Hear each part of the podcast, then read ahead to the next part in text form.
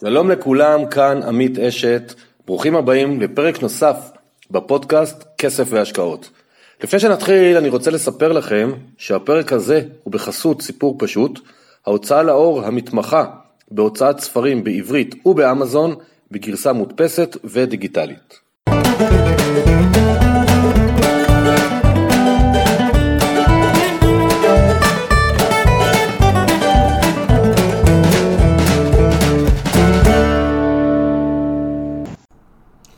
שלום לכולם, זה עמית. היום זה פרק 20, שבשבילי הוא מרגש, כי 20, לא האמנתי שאני אגיע ל-20 פרקים למען האמת. אה, הפרק מוקלט ביוני 2019, והוא יוקדש לשוק ההון. אה, היום אני מדבר לבד, אני לא מראיין אף אחד, יש לי אג'נדה ואמונות, מה אני מאמין בנושא שוק ההון, ואני רוצה לשתף אתכם במחשבות שלי. תודה רבה על כל הפידבקים שאתם נותנים, פידבקים באמת אני מקבל במסנג'ר, בוואטסאפ, במיילים, בפייסבוק, בכל מיני מקומות, אנשים ברחוב שמזהים אותי וזה באמת נורא כיף להבין שאנחנו עוזרים פה ברעיונות לאנשים להבין ויותר חשוב לי מלהבין שבאמת מתחילים לפעול ולהשקיע. אז תודה לכל המאזינים, אה, אנחנו כבר אלפי מאזינים בכל פרק יש וזה כיף גדול. אז היום אני רוצה שנדבר על שוק ההון כאמור. אה, אני, מי שמכיר את ההיסטוריה שלי, התחלתי בגיל 16 להשקיע, אה, אני היום בן 57, זה אומר שאני 41 שנה כבר משקיע בשוק ההון, מהימים שהיינו רואים בעיתון למחרת בבוקר מה היה אתמול בבורסה. הצעירים שבחבורה, שהיום הכל אינטרנטי, זה נשמע הזוי, אבל כן, ככה זה התנהל פעם, רק בבוקר, או אם היינו הולכים אחרי הצהריים לבנק, היינו יכולים לראות מה, מה בעצם קורה. והשאלה שהרבה אנשים מתייחסים ושואלים, האם שוק ההון זה קזינו? האם שוק ההון מסוכן? וכל אחד עם uh, מילים נרדפות. אז אם אני 41 שנה שם, אז כנראה שאני לא חושב שזה קזינו. אני כן חושב שזה עלול להיות מסוכן, ועל זה אני קצת רוצה לדבר. אבל השאלה הראשונה שנשאלת לדעתי, למה זה בכלל חשוב? למה זה בכלל כל אחד צריך להבין מה זה שוק ההון ואיך הוא פועל? והסיבה היא שכולנו מושקעים בשוק ההון דרך החסכונות הפנסיונים. יש כאלה שגם עושים את זה לבד, אבל כל החסכונות הפנסיונים, ללא יוצא מן הכלל, קרנות פנסיה, קופות גמל, ביטוחי מנהלים, קרנות השתלמות, כולם נמצאים בבורסה. לכן אני טוען שכל אחד חייב להבין מה זה שוק ההון. לכן גם הכנתי ש... אה, קורס דיגיטלי לפני כמה שנים, אה, כדי שבאמת, הכי בסיסי, שכל אחד יוכל להבין אה, איך להשקיע ומה זה בכלל.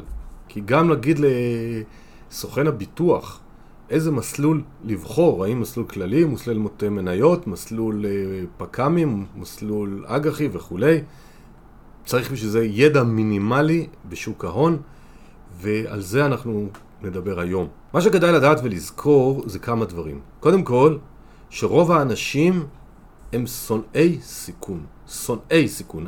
עברו אצלי מאות לקוחות ותלמידים בקורסים, אולי שניים או שלושה הגדירו את עצמם כאוהבי סיכון.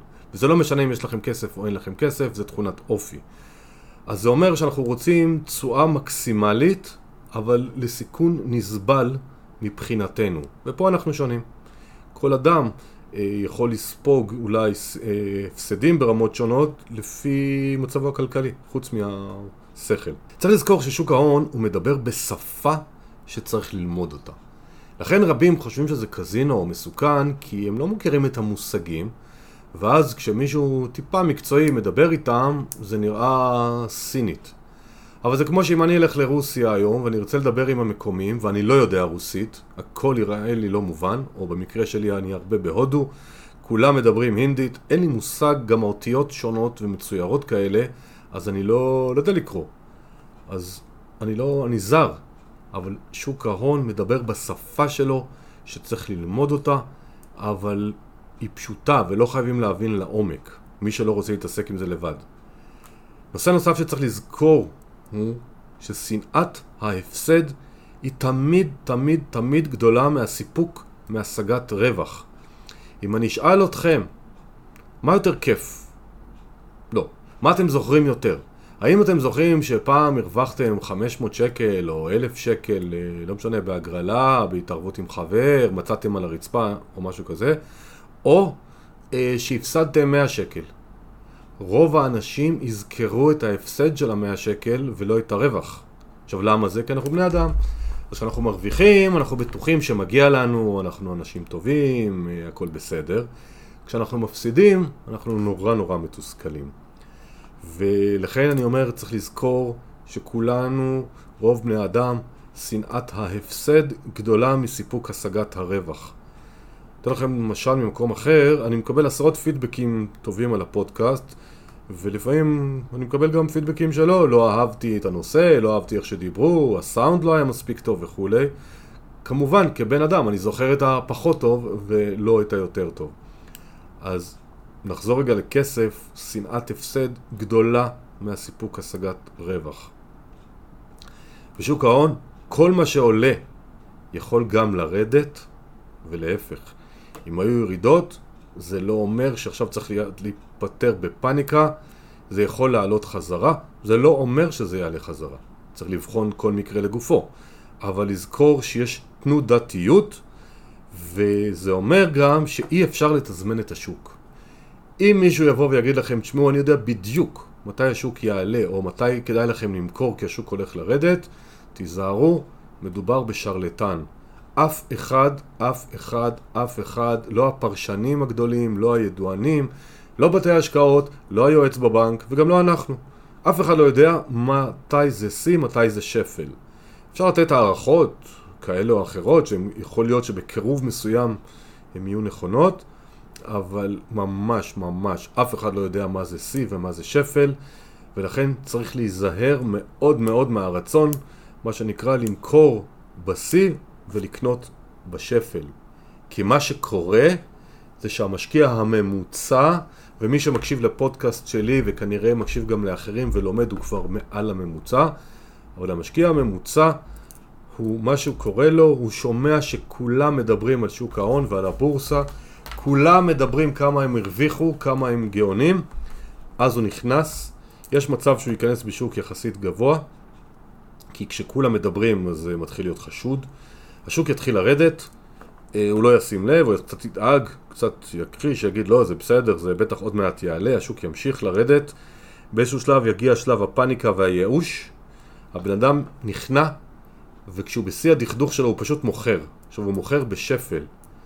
והוא קנה כאמור יחסית גבוה, הוא מוכר בשפל והוא הפסיד הרבה מאוד כסף ומתי הוא ייכנס עוד פעם? כשעוד פעם כולם ידברו על שוק ההון ויתחיל עוד פעם הגל הזה כי זה בסוף גלים עולים וירדים ההבדל הוא משך זמן הגל אז מה שאני מבקש, מציע אה, לכם לא לנסות לתזמן את השוק להבין מה אתם עושים ואז גם אם יש תקופת ירידות, או שהשקעה אחת מסוימת שלכם לא הצליחה, לא קרה כלום. מותר לדעת לחתוך הפסד, זה מיומנות, מיומנות נרכשת. אה, זה לא כיף גדול כשאתה חותך הפסד, כלומר אתה מוכר משהו כשאתה יודע שעשית השקעה לא טובה, אז זה די מבאס להסתכל בראי ולהגיד וואי איזה דביל אני עשיתי טעות ולמכור כי אני מקבע את ההפסד ואני עשיתי כאלה המון פעמים, אבל הרבה יותר פעמים הרווחתי. אז הפסד, אם אני מבין למה הוא קרה, מה היה הטעות בשיקול הדעת שלי, אז צריך לעבור תוך חצי יום, חצי שעה או יומיים תחושת התסכול. אז אני רוצה, לפני שאני קצת עובר על uh, סוגי הכלים של ההשקעה, זה לדבר דווקא על ניהול הסיכונים. אני רואה את התפקיד שלי גם כשאני מייעץ לאנשים, uh, ואני עושה את זה הרבה מאוד, ייעוצים פרטיים. אני אומר לכולם, אני מנהל סיכונים, לא סיכויים. כי אם הכל יצליח, אז הכל יהיה טוב. אבל גם אם אני מנהל את הסיכון נכון, שבתרחיש רע, שמשהו לא ילך כמו בתוכניות, אני עדיין בסדר, אז לא קרה שום דבר. וזה לא משנה אם זה השקעה בשוק ההון, או אם זה השקעה בנדל"ן, או השקעה בכל סוג מכשיר השקעה שאתם מכירים. אני טוען שחשוב לנהל את הסיכון, כי הסיכון, אם אני מחשב אותו נכון ואני מבין מה אני עושה, גם במקרה של הפסד, אפילו של הכל, תא המשפחתי לא ניזוק, חוץ ממצב רוח רע וקצת באסה לא קרה שום דבר. אז כמה פרמטרים של ניהול הסיכונים אני רוצה לדבר עליהם. בואו נתחיל מהדבר שלדעתי הוא הכי חשוב, שזה טווח זמן ההשקעה. ומה הכוונה בטווח זמן ההשקעה? T, באים אליי לפעמים לקוחות, אומרים יש לנו עכשיו 800 אלף שקל בעו"ש, איפה אתה מציע לנו להשקיע אותו? הדבר הראשון שאני שואל זה למתי אתם צריכים את הכסף? למה זה כל כך חשוב לי? כי אם הם אומרים לי, תשמע, בדיוק מכרנו את הנכס שלנו ואנחנו מחפשים עכשיו נכס חדש. ואנחנו מעריכים שתוך חצי שנה, שנה אנחנו נמצא אותו, ברור לכם שזה החלטת השקעה לגמרי לגמרי שונה. אם זה מישהו בגיל 62 אומר לי קיבלתי עכשיו ירושה. אני מקווה שזה יישאר לנכדים ולנינים. אני לא רואה מתי אני צריך להשתמש בכסף. זה איזושהי אקסטרה שבא לתא המשפחתי רמת הסיכון שאני יכול לקחת לכסף שמושקע לטווח ארוך היא משמעותית גדולה יותר מכסף מושקע לטווח קצר ואז הסיכוי שהוא ייצר תשואות גבוהות עולה משמעותית.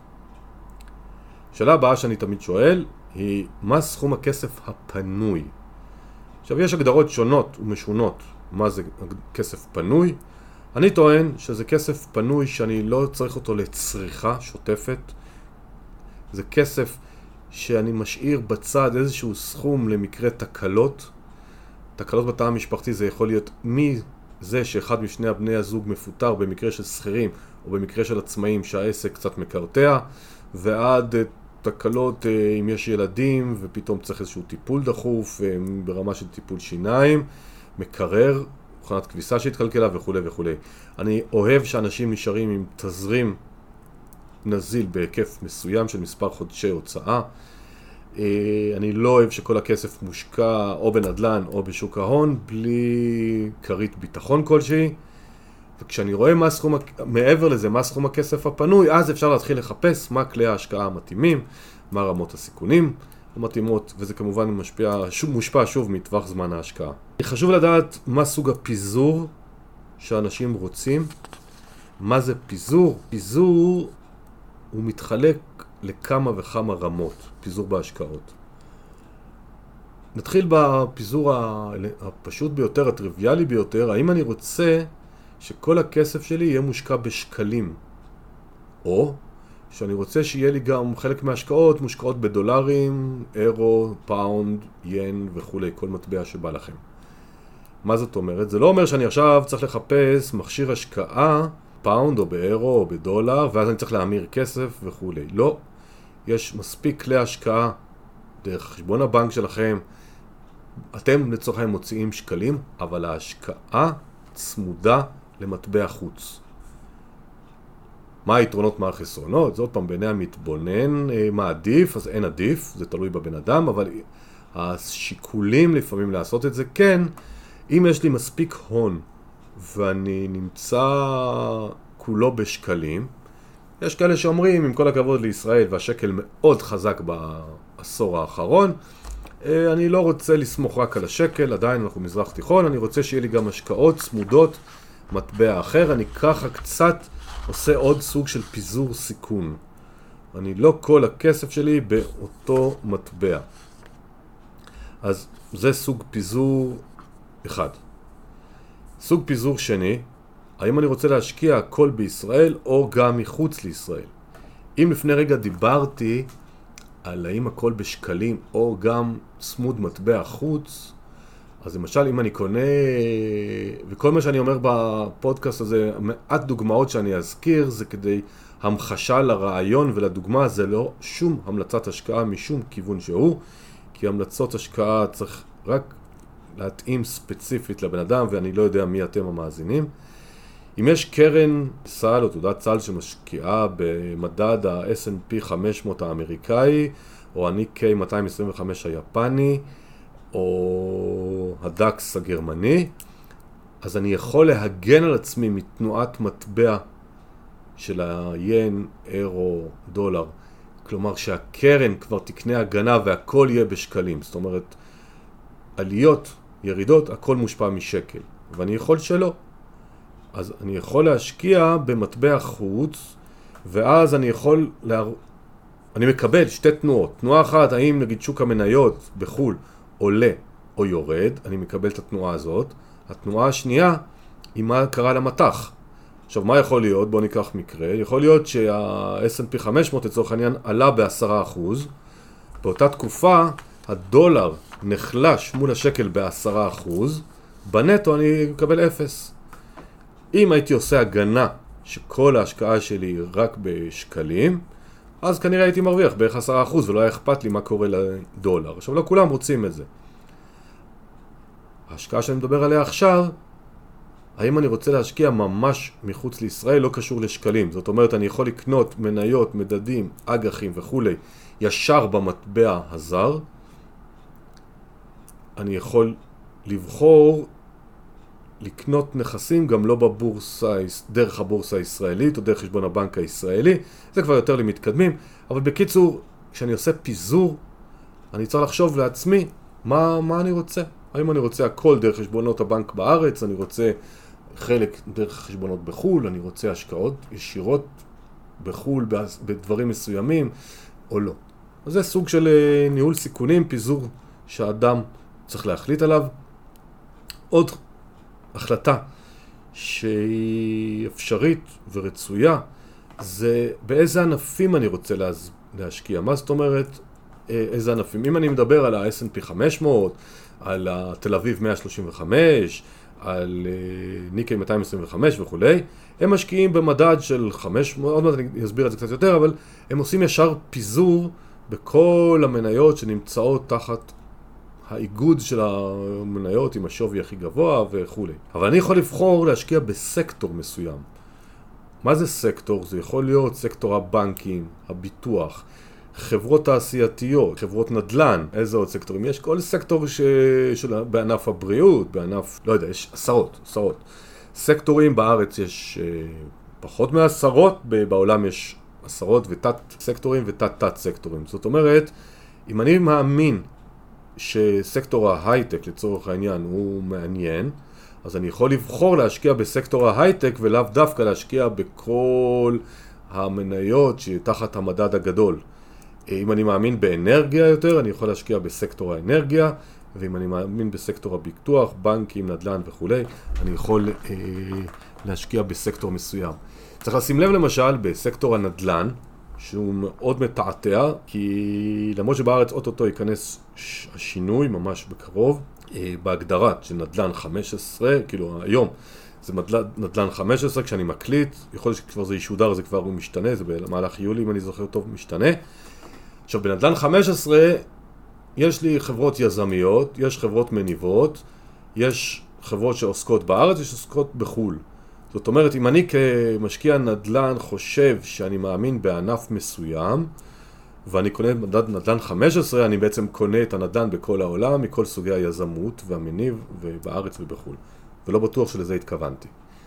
אז זה הכוונה בפיזור רצוי, ענפים, אני יכול לבדוק, אה, להחליט איזה ענפים ספציפיים אני רוצה, או החלטה לגיטימית ומתאימה ללא מעט אנשים, לא רוצה לבחור. אני רוצה להיות לפי מדד המניות הכללי של אותו מדינה או של אותו תחום. ועוד פעם, אני חוזר ואומר, אני די עושה שטיפת מוח בעניין, אין דבר כזה נכון לא נכון, יש מה מתאים לי. לכל אחד מתאים משהו אחר. ודבר אחרון שאני רוצה לדבר עליו בנושא ניהול הסיכונים, זה מה רמת הסיכון המבוקשת, מה כוונתי? יש כמובן השקעות יותר מסוכנות, פחות מסוכנות. אני תכף אפרט את מכשירי ההשקעה, אז נדבר על זה, אבל אני צריך להחליט האם אני רוצה השקעה עם רמות סיכון גבוהות יותר ונמוכות יותר. צריך לזכור שככל שאני אקח יותר סיכון, הסיכוי שלי להרוויח הוא הרבה יותר גדול. אז אם טווח הזמן ההשקעה הוא ארוך, אז על פניו אני יכול לקחת יותר רמת סיכון, כי הסיכוי יגדל משמעותית, ובדרך גם אם יהיו נפילות, הם כנראה יתוקנו עד אשר אני אצטרך את הכסף. עכשיו, במאזינים שיש אה, להם בני או בנות זוג, לדעתי מאוד מאוד חשוב שתהיה הסכמה. אני רואה הרבה מאוד לקוחות שכשאני שואל את השאלה הזאת, תגלה שהם בבית אף פעם לא דיברו על זה כי הם לא השקיעו, והם לא חושבים אותו דבר. הם, אחד רוצה יותר סיכון, אחד רוצה פחות סיכון, וזה בסדר גמור. כי אני טוען שכסף בסוף זה רק כסף ולא שווה לקלקל אה, זוגיות בשביל זה, אז פשוט תחליטו ביחד מה, מה בסוף כתא משפחתי אתם אה, מחליטים שאתם רוצים ולפי זה תחליטו את ההשקעה. אז אם אני מסכם קצת את הנושא הזה של אה, סיכויים, סיכונים, אז חשוב מאוד לעשות פיזור, כלומר לא לשים את כל הביצים, מה שנקרא, בסל אחד, זה כמובן תלוי בגודל התיק. אה, מי שמתחיל ויש לו היום 5,000 שקל ראשונים, אז כנראה שפיזור לא כדאי לו לעשות יותר מדי, אלא לבחור כלי השקעה מפזר, שתכף אני אזכיר, אבל מי שיש לו כבר סכומים יותר משמעותיים, כדאי לעשות איזה שהם פיזורים. רמת הסיכון, כמובן, כמו שאמרתי, צריך לדעת לחתוך הפסדים, הזכרתי את זה קודם, הכוונה, עשיתי השקעה, היא ירדה, אני מבין שהסיכוי שהיא תעלה הוא נמוך מהסיכוי שהיא תעלה למכור. על תיק השקעות באופן עקרוני אנחנו כל יום מסתכלים עליו תאורטית. כל יום מסתכלים עליו מחדש ואומרים האם הייתי היום קונה את הנייר ערך שיש לי בתיק? אם התשובה היא לא, קניתי אותו פעם כי חשבתי שטה טה טה טה טה והיום אני חושב שזאת טעות, אז כנראה שכדאי למכור. כי אין טעם להחזיק משהו בעניין של פרינציפ, כאילו אני לא אחזיק, אני לא אמכור אותו עד שהוא לא יעלה חזרה, כי אני לא רוצה להפסיד. אבל אם הוא ימשיך לרדת או לעולם לא יעלה, אז אתה מפסיד. אז תיקח את הכסף, תגיד עשיתי טעות, לא קרה שום דבר, ותשקיע אותו במקום חדש. אז זה צריך לזכור, ולזכור תמיד, תמיד, תמיד לחשוב מה טוב לכם, לא להצטרף למה שאני קורא עדר.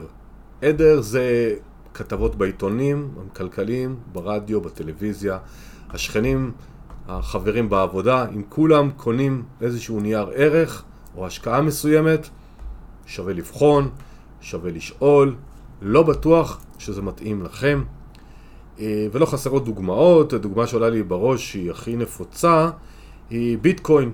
ביטקוין זה דבר מטבע תנודתית מאוד שנע בין 200 דולר ל-20 אלף דולר תוך כמה שנים בודדות, הגיע ל-20 אלף דולר, ירד ל-3,000 דולר, עלה ל-10,000, יורד, עולה, סיפורים.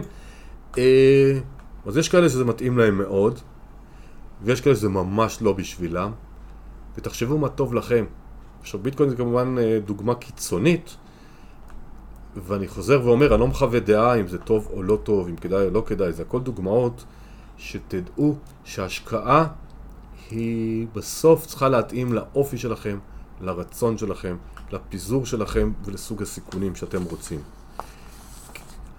כן חשוב להבין עכשיו קצת על כלי ההשקעה שיש בשוק ההון, כי כמו שאמרתי, כולנו מושקעים שם דרך אה, שווקי ההון, דרך קרנות הפנסיה, וחלקנו גם ברמה עצמאית. אז בואו נדבר קצת על כלי העבודה, מה שאני קורא, בשוק ההון, ממש בקצרה, אני לא ארחיב, כי זה מסובך להסביר גם במדיה שהיא קולית בלבד ולא עם מצגת, וזה מה שאני כאילו מראה בקורס או בהרצאות, ככה אפשר להראות, ביוטיוב יש לי כמה סרטונים קצרים בנושא. אז כלי העבודה הראשון הוא מה שנקרא פק"ם, מק"ם וכל מיני שמות דומים, זה הפקדונות בבנקים, שזאת גם השקעה, זה סוג של השקעה, זה לאו דווקא שוק ההון, זה סוג של השקעה. עכשיו יכול להיות שחלק אומרים לעצמם בלב, מה זה השקעה? זה נותן רבע אחוז, חצי אחוז, שלושת רבעי אחוז לשנה, זה לא שווה. אז זה אולי לא שווה לכם, אולי לאנשים אחרים זה כן שווה. זה בהחלט מכשיר שיכול להתאים אולי למי שמחנה את הכסף בתור כרית הביטחון לתא המשפחתית, אז במקום שיהיה בעובר ושב, עדיף לקבל חצי אחוז, לפעמים, או, או שלושת רבעי אחוז או רבע אחוז. אה, יש מצבים שזה ש... מתאים, כמובן אין סיכוי, אז גם אין סיכון. כמו שאמרתי, אני מנהל סיכונים תמיד. אז אם אני רוצה להרוויח סכום משמעותי והטווח זמן ההשקעה הוא ארוך מספיק, כנראה שאני לא אמליץ על פק"ם או מק"ם, אבל זה כלי שאתם צריכים להבין שהוא קיים. הדברים היותר נפוצים זה אגרות חוב ומניות, אגרות חוב מה שנקרא אג"ח, יש אג"ח של מדינות, יש אג"ח של חברות, ואז המושג הוא אג"ח קונצרני. מה הרעיון סביב אה, המושג הזה אג"ח? מישהו מגייס כסף כי הוא צריך, לצורך העניין ניקח את מדינת ישראל, היא צריכה כסף, למה? כדי להשקיע בנו בתשתיות, בביטחון, בבריאות וכולי. אז היא אומרת לציבור, בואו, תלוו לי את הכסף שלכם, וכל אחד שילווה לי, הוא יקבל ריבית בגובה של איקס אחוזים כל שנה במשך עשר שנים לצורך העניין. ואז זה כלי השקעה שאני הלוויתי כסף למישהו, למה שאני אעשה את זה? כדי שאני אקבל ריבית. יש לי תשואה שוטפת, יש לי הכנסה שוטפת, שבדרך כלל משלמים פעם בחצי שנה, יש לי הכנסה. שאלה אם זה משתלם או לא, הרבה שואלים אותי. עוד פעם, תלוי מה הסיכון שאתם רוצים לקחת, מה הסיכוי שאתם רוצים. יש אגרות חוב עם ריביות יותר גבוהות שמשלמות ויותר נמוכות. השאלה היא למה. הלמה היא דבר כזה. קודם כל, כל מנפיק איגרת חוב מחליט איזה ריבית הוא מציע. עכשיו, ככל שהוא בטוח יותר שהוא יכול להחזיר, והמשקיעים בטוחים יותר בכושר ההחזר שלו, הריבית שהוא יציע תהיה נמוכה יותר, ואז אנחנו נקבל פחות. זאת אומרת, אם מדינת ישראל תציע לנו איגרת חוב, או איזה חברה שקמה אתמול בתחום הקנאביס, אה, שזה תחום עם היי ריסק נחשב כיום, תציע איגרת חוב, כנראה שהחברה של הקנאביס תצטרך להציע לנו ריביות הרבה יותר גבוהות כדי שנסכים לקחת יותר סיכון מאשר מדינת ישראל. כי אם הם יציעו לנו באותה ריבית, אז למה שאני אלך למשהו מסוכן? אני אלך למשהו בטוח. משהו בטוח יודע את זה, ואז הוא מציע לי ריבית יותר נמוכה. שואלים אותי לא פעם הלקוחות, אז מה הסיכונים שלי באיגרת חוב? אז הסיכונים הם שהמנפיק של האיגרת לא יחזיר את חובו. אם אתם זוכרים, בתקופת 2008-2009, יותר מבוגרים פה, או מי שכבר התעניין, שהיה המשבר הכלכלי, דיברו הרבה על תספורות. מה זה תספורות? שהיו חברות שלא הצליחו להחזיר את מלוא ההתחייבות שלהם, ואז הם החזירו בין 0 ל-60%, 70%, 80%, תלוי כל הסכם לגופו.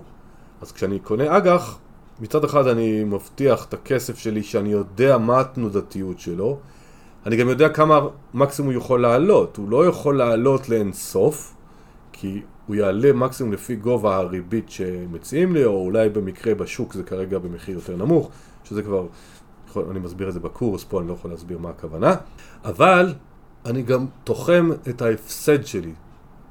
עוד פעם, בכפוף לזה שהחברה לא תפשוט רגל, ובסך הכל מעט חברות סך הכל בארץ ובעולם מגיעות למצב שהן לא מחזירות. יש מצבים כאלה, אבל כשאתה מסתכל בתמונה הגדולה, רוב החברות הן בסוף מחזירות ומשלמות את הריבית שהן הבטיחו.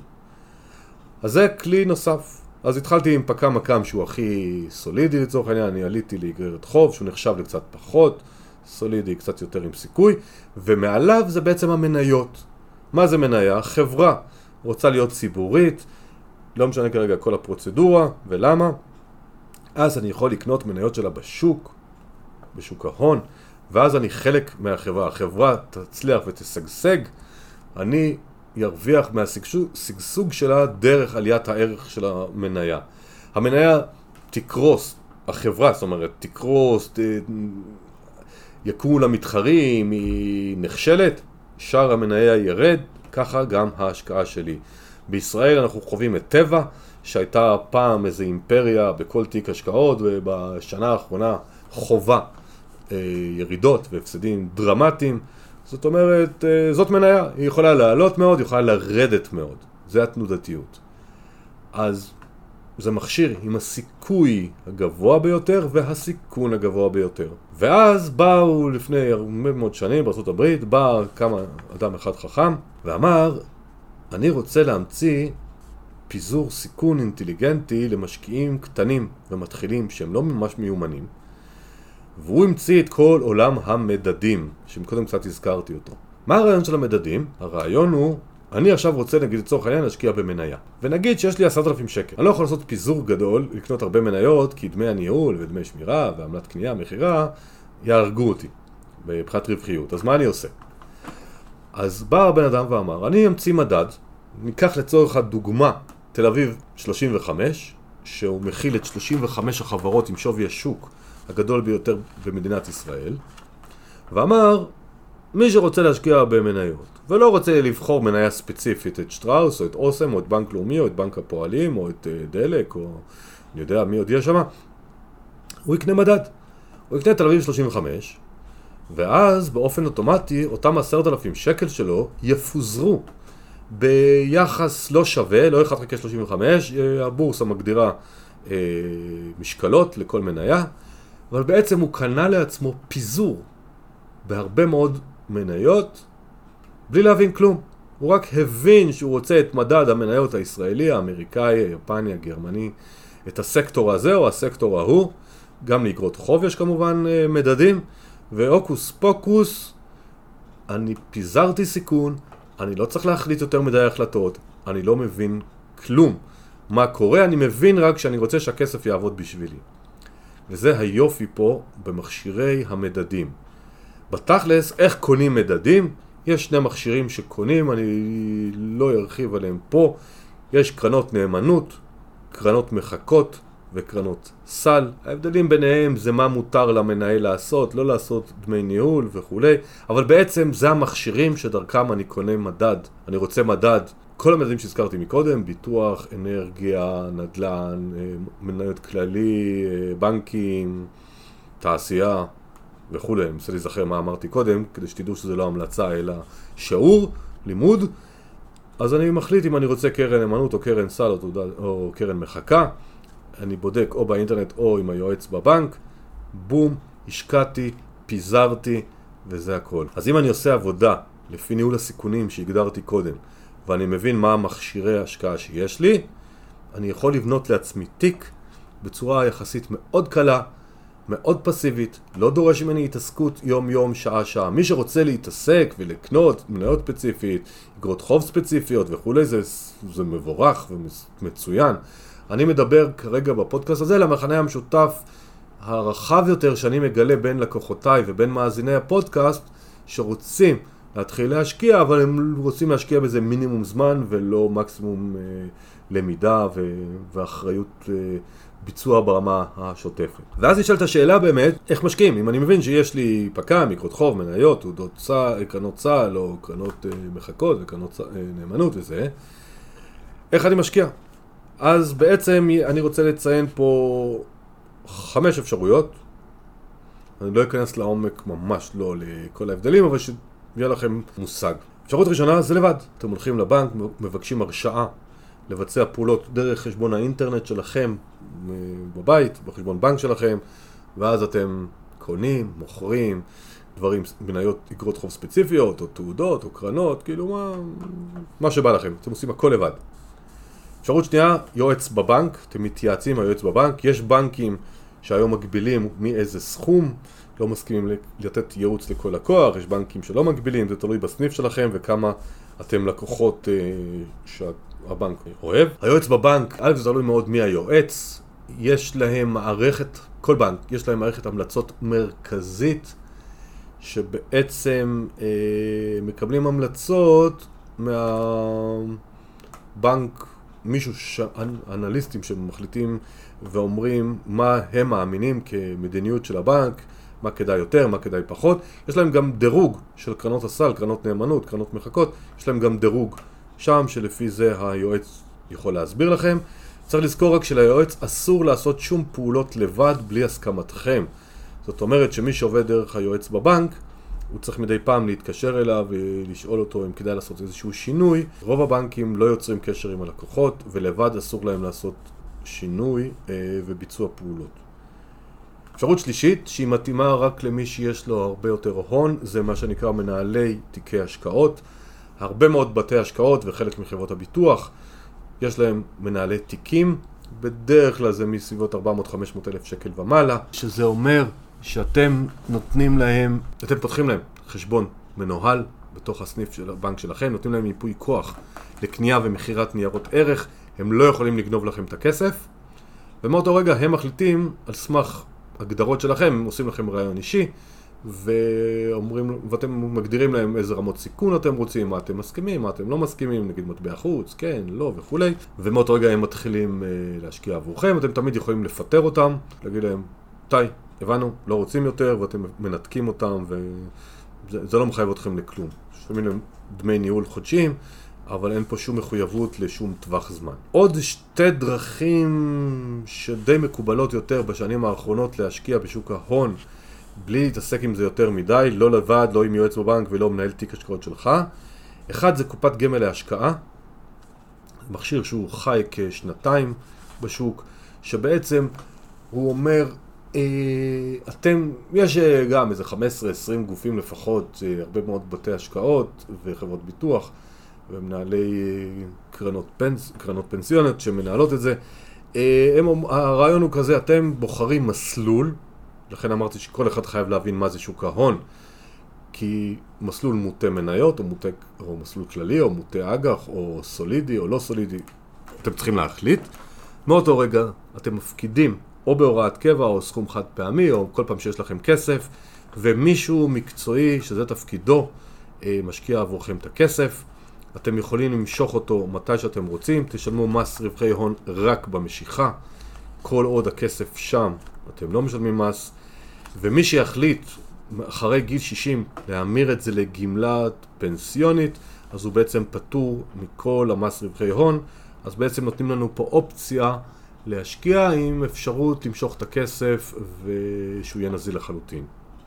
אז זאת אפשרות. אה, יש פה סייג שאפשר להשקיע עד 70 אלף שקל בשנה לכל תעודת זהות. זאת אומרת, אם אתם זוג, אז אפשר עד 140 אלף שקל בשנה. מי שיש לו סכום יותר גבוה, אז יש מה שנקרא חיסכון מנוהל, או אה, פוליסת חיסכון, יש לזה כל מיני שמות, יש איזה שישה גופים שמנהלים את זה.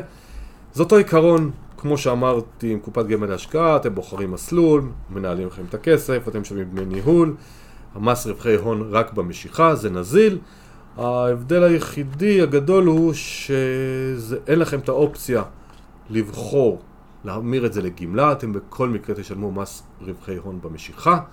הבדל נוסף, אין מגבלה של 70 אלף שקל לשנה לתעודת זהות. זאת אומרת, למי שיש הון משמעותית יותר גבוה, אז הוא יכול אה, לשים שם את יתרת הכסף שלו אם הוא לא רוצה אפיק אחר. יש כמובן את קרנות ההשתלמות שזה מתאים יותר לעצמאים, שמי שלא פתח כדאי לפתוח, כי גם שם אם משקיעים בשוק ההון אפשר לבחור מסלול וכולי. זאת אומרת שאם אני מסתכל על שוק ההון, אם אני מתחיל את השאלה שהתחלתי את הפרק, האם זה קזינו? ממש לא. אני ניסיתי פה להראות על מה צריך להבין את השפה הזאת. ניסיתי לתת קצת דוגמאות, שהשפה מבחינתי זה גם ניהול סיכונים, זה גם מכשירי ההשקעה. אה, ואם אני מבין קצת את הסיכונים ואת הסיכויים, ואני מבין שזה תנודתי, ואני מבין לכמה זמן אני משקיע, ואני מבין באיזה מכשירי השקעה אני בוחר, אז כמו שאני תמיד אומר, כסף מייצר כסף. ואני רוצה ככה, אני מתקרב די לסיום, לתת כמה יתרונות שאני רואה בהשקעות בשוק ההון. זה לא אומר שום דבר שאני נגד השקעות מסוג אחר, כי כמו שהמאזינים היותר ותיקים יודעים שכבר היו לא מעט פרקים בעולם הנדל"ן, אני אישית משקיע גם בשוק ההון, גם בנדל"ן, אז אני מכיר על בשרי את היתרונות והחסרונות של כל דבר, אבל יש יתרונות לשוק ההון. אז היתרון הראשון מבחינתי הכי משמעותי זה קל, זה מהיר, זה מהמחשב בבית או דרך אחד המכשירים שאמרתי, ויש לזה לצורך העניין 100% נזילות, לפעמים יש מכשירים, זה לוקח שבוע.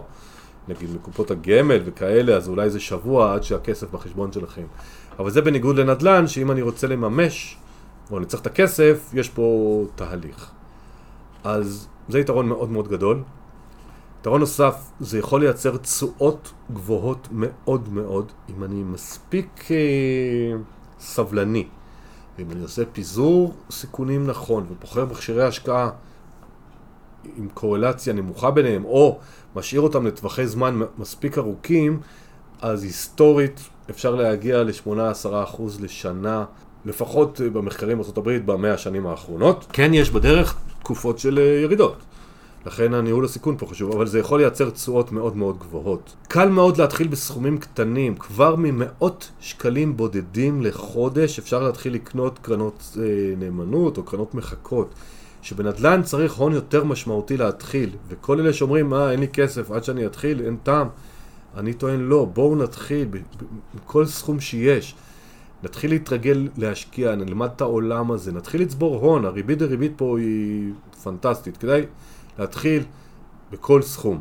הלאה, יתרונות. אה, אני יכול להגיע לפיזורים מאוד מאוד גבוהים. כמו שאמרתי, אני יכול להגיע לפיזור של סקטורים, של מדינות, מטבעות וכולי וכולי וכולי. זאת אומרת, אני יחסית בקלות ובקלילות יכול לבנות תיק מאוד מאוד מפוזר עם שיקולים שונים ומשונים. אה, זאת השקעה מאוד פסיבית, זאת אומרת אני יכול להחליט שאני פעם ברבעון מסתכל מה קורה, אני עושה שינויים והתאמות, צריך, בלנס וכאלה, אבל בגדול זה דברים פסיביים. עוד פעם, אני מדבר למשקיע הממוצע שלא רוצה להיות מעורב. מי שרוצה להיות מעורב וכל הזמן מסתכל זה בסדר, זה, כל מה שאמרתי זה תקף. אבל למי שרוצה להשקיע, רוצה ליהנות בטווח ארוך מרווחים, אבל לא רוצה להתעסק עם זה, ממש לא צריך להתעסק עם זה. ההגנה המטבעית היא לדעתי לפעמים מעניינת. אתם צריכים להחליט על מסלול השקעה, נגיד שאתם הולכים לניהול מקצועי יותר של הכסף, שעולה נגיד בין 0.6 ל-0.8, 0.9 אחוז לשנה, אבל חוסך לכם את העמלות בבנק, אז כאילו זה עולה, אבל לא כזה דרמה, מי שלא הולך לברוקראז'. אז אתם בסך הכל צריכים להחליט על איזה מסלול השקעה. אתם יכולים לעבור בין מסלולים, לרוב החברות מעבר בין מסלולים זה לא אירוע מס, תלוי בהחלטות מדינה. וזהו, וזה עלויות כניסה לצורך העניין אפס. אין פה עורך דין, חברת ניהול, מתווך, לנסוע, לראות, לחפש. זאת אומרת, יש לזה, זה, זה מאוד מאוד קל. מה החסרונות? אנשים לפעמים אומרים, החסרונות קודם כל זה תנודתי. אז צריך להיות עם לב חזק. זאת אומרת, נגיד שאתם אומרים, אני עושה השקעה בטווח של חמש שנים ומעלה, לכן אני בוחר אה, מס... ערוץ השקעה עם סיכונים די גבוהים, כי יש לי סיכויים גדולים, וקרה המקרה, אחרי שנתיים וחצי, 30% ירידה. עכשיו, את האמת, מניסיון, חוויה מאוד מאוד מפוקפקת ללכת לישון עם 100 אלף שקל בחשבון ולהתעורר עם 70 אלף שקל. חוויה מפוקפקת עד מאוד. אבל אם אני יודע מה אני עושה, ועשיתי ניהול סיכונים נכון, והחלטות נכונות, ואני מספיק חזק נפשית לא למכור, הכל בסדר. אבל רואים את התנודתיות הזאת, צריך לדעת, צריך לזכור שזה לפעמים מבאס מאוד. אם משקיעים דרך גוף ולא דרך הבנק שלך, אז לפעמים אתה לא רואה את זה ישירות, אז זה קצת מקל על הבעיה, אבל צריך לזכור שזה איזשהו חיסרון.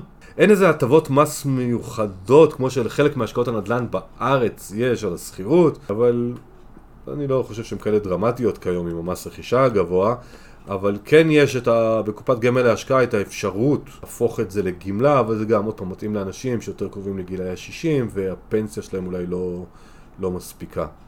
אז אם אני ככה ממש רוצה להתחיל לסכם את מה שניסיתי להעביר היום, אז על השאלה האם בורסה זה קזינו והאם זה מסוכן, כן, אם אני לא יודע מה אני עושה.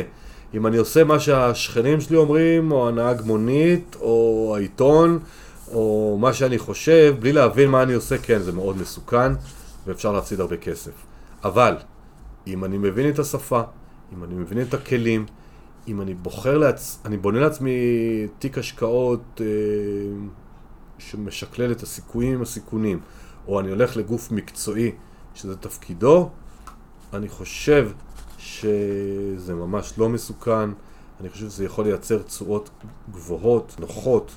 את הרווחיות שמייצרים בתיק אפשר מדי פעם לממש בתור תזרים שוטף לחופשות, להחליף ספה, לא יודע, כל אחד עם הפנטזיות שלו. מה לעשות עם זה, אני אישית אה, נוסע עם זה בדרך כלל להודו, נהנה תמיד אה, לש, לשמור לעצמי איזשהו אה, חלק מהרווחים ולהגיד יאללה זה הבילויים הפרטיים שלי ועכשיו שהפרק באוויר אני בהודו, אני מקליט את זה לפני הנסיעה. זהו, אז אם אתם יודעים מה הכסף הפנוי שלכם, ואתם מוכנים לקחת קצת יותר סיכוי, סיכונים כדי שיהיה לכם הרבה יותר סיכוי ואתם רוצים להרוויח לטווח מספיק ארוך, אני מציע לשקול את שוק ההון ככלי השקעה רציני. אפשר להתחיל בסכומים לא גבוהים. ולי יש קורס דיגיטלי שחלקו לא מעודכן לגמרי, ולכן אני מציע אותו למאזיני הפודקאסט במחיר מוזל מאוד. מה זאת אומרת לא מעודכן? אני עשיתי אותו לפני למשל ששינו את uh, תל אביב 100 לתל אביב 125. כמה דברים כאלה בהגדרת המדדים ובדברים כאלה, אני לא הקלטתי שיעורים מעודכנים, אבל כל המתודולוגיה, כל הגישה, מה זה אג"ח, מה זה מניה, מה זה ניהול סיכונים מורחב, איך בונים תיק, מה המתודולוגיה, שבעת השלבים, לבנות uh, תיק השקעות נכון, שיש לי איזה גם uh, ספר באמזון על זה, The Seven, Winning Steps to the uh, Portfolio. Investment portfolio in seven, in seven winning steps, אז אתם מוזמנים אה, לכתוב לי במסנג'ר או במייל, אתם תקבלו גם הצעת מחיר מיוחדת וגם תקבלו את הסילבוס ככה מפורט של הקורס, תראו אם זה מתאים לכם. זה קורס מיועד למתחילים שרוצים להבין בכלל את העקרונות, לא מיועד לאנשים אה, מיומנים שכבר עשו השקעות בשוק ההון הרבה שנים. המייל שלי זה עמית, A-M-I-T, שטרודל, 2 S-U-C c-e-s-s.biz עמית טרודל to success.biz תודה רבה שאתם האזנתם לפרק הזה, תודה רבה שאתם מאזינים לפרקים. היום זה פרק 20, בשבילי זה ממש לא מובן מאליו, כשאנחנו כבר בערך למעלה מ-25 אלף האזנות במצטבר. שיהיה לכם רק טוב, וכסף עושה כסף, ואשמח לשמוע מכם. תודה, להתראות.